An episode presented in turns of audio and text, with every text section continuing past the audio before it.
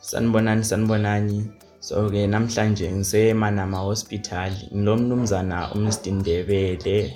uMr Ndebele ke namhlanje uzositshela uzosichasisela kabanzi mayelana ngeCovid-19 ubhubhane lweCovid-19.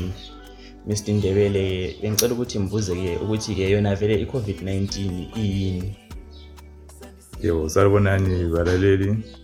Eh iCovid-19 ngumkhuhlane umbhubhane umkhuhlane wobhubhane owaqalisa ukutholakala ngo-2019 ukuthi covid-19 kona kahle kahle kumele ukuthi coronavirus disease of 2019 so umkhuhlane lowu waba khona kusukela 2019 kuze kufikele namhlanje umkhuhlane esilawo ohlasela kakhulu esingathi eh i-upper respiratory tract system engithi khona ihlasela kakhulu emaphatshini kusiya phezulu.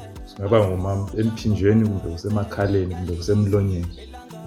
Yikho esithi khona i-covid-19 Okay okay. So iCovid-19 ke le njengoba usitsho ukuthi ibambe endaweni ezingaphakathi iyahlasela lasemaphaphini. Yona imemetheka kanjani vele imemetheka kanjani? Alright eh, i-covid-19 imemetheka ngomoya esithi khona i-airborne transmission okutsho ukuthi khona ungaba seduzane lomuntu olomkhuhlane we-covid-19 ungagqokanga imask usesibangeni sokuthi nxa ekhuluma engakhuluma engakhwehlela kumbe engathimula useduze laye usengozini yokubamba lowo mkhuhlane.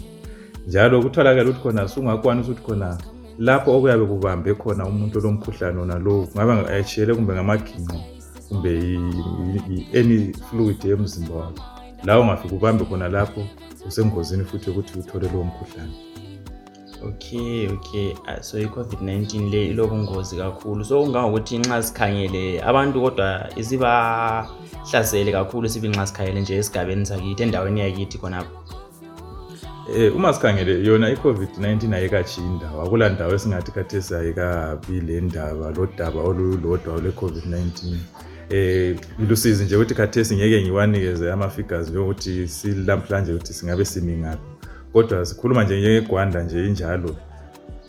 Bakhona abantu abaningi asebathathwa yilowo mkhuhlane. Bakhona abalokhu besiba lawo lowo mkhuhlane esikhuluma kuze kufikezele namhlanje. Awukapheli ulokhu khona ngaphakathi kwethu.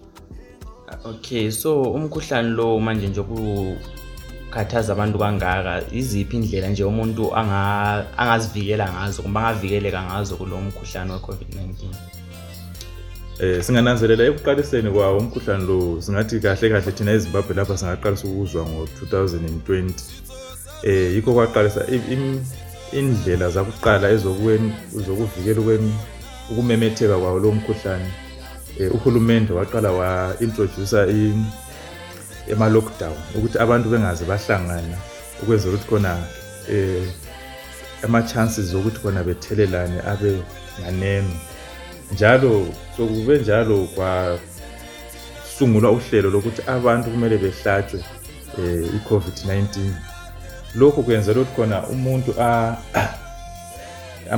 abe lamathuba ayehlileyo ukuthi athole i-covid-19 funa ahlangane lomuntu olawo lowo mkhuhlane.